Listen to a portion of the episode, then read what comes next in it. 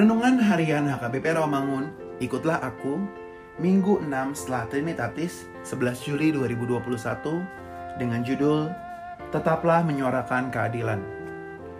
Kebenaran firman Tuhan yang menjadi ayat renungan kita hari ini tertulis dalam Amos 7 ayat 10 sampai 17 yang berbunyi Lalu Amazia, imam di Betel, menyuruh orang menghadap Yerobeam, raja Israel, dengan pesan, Amos telah mengadakan persepakatan melawan tuanku di tengah-tengah kaum Israel. Negeri ini tidak dapat lagi menahan segala perkataannya. Sebab beginilah dikatakan Amos. Yerobeam akan mati terbunuh oleh pedang dan Israel pasti pergi dari tanahnya sebagai orang buangan. Lalu berkatalah Amazia kepada Amos, Lihat, pergilah, enyahlah ke tanah Yehuda. Carilah makananmu di sana dan bernubuatlah di sana tetapi jangan lagi bernubuat di Betel, sebab inilah tempat kudus raja, inilah bait suci kerajaan. Jawab Amos kepada Amazia, Aku ini bukan nabi, dan aku ini tidak termasuk golongan nabi, melainkan aku ini seorang peternak dan pemungut buah arah hutan. Tetapi Tuhan memanggil aku dari pekerjaan menggiring kambing domba. Dan Tuhan berfirman kepadaku, Pergilah, bernubuatlah terhadap umatku Israel. Maka sekarang Dengarlah firman Tuhan. Engkau berkata, janganlah bernubuat menentang Israel, dan janganlah ucapkan perkataan menentang keturunan Ishak. Sebab itu beginilah firman Tuhan. Istrimu akan bersundal di tengah kota dan anak-anakmu laki-laki dan perempuan akan tewas oleh pedang.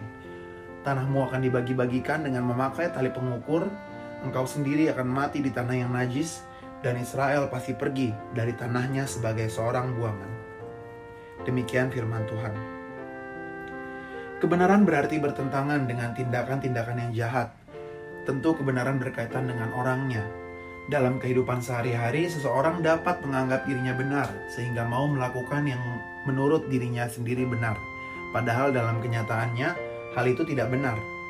Jadi kebenaran di sini adalah kebenaran yang dijasarkan dari perintah Tuhan dan hukum Tuhan yaitu berkata benar kepada sesama. Karena hal ini adalah yang diinginkan Allah bukan kebenaran pribadi. Kebenaran yang diminta Allah adalah kebenaran yang kita lakukan dalam keseharian kita, dalam perkataan kita, dan juga dalam perbuatan kita. Sebenarnya kejujuran itu berdasarkan hati nurani seseorang, dan orang itulah yang mengatur hal itu, dan tidak berdasarkan paksaan. Penggunaan yang paling umum dari kata kebenaran adalah sebagai kenyataan-kenyataan. Menyajikan kenyataan-kenyataan yang benar adalah lawan dari berdusta Melalui kenyataan itulah akan terbukti suatu kebenaran. Kejujuran yang diuraikan Alkitab jauh lebih luas daripada sekedar tidak berdusta. Karena kita tidak hanya jujur di hadapan Tuhan, tetapi juga di hadapan manusia.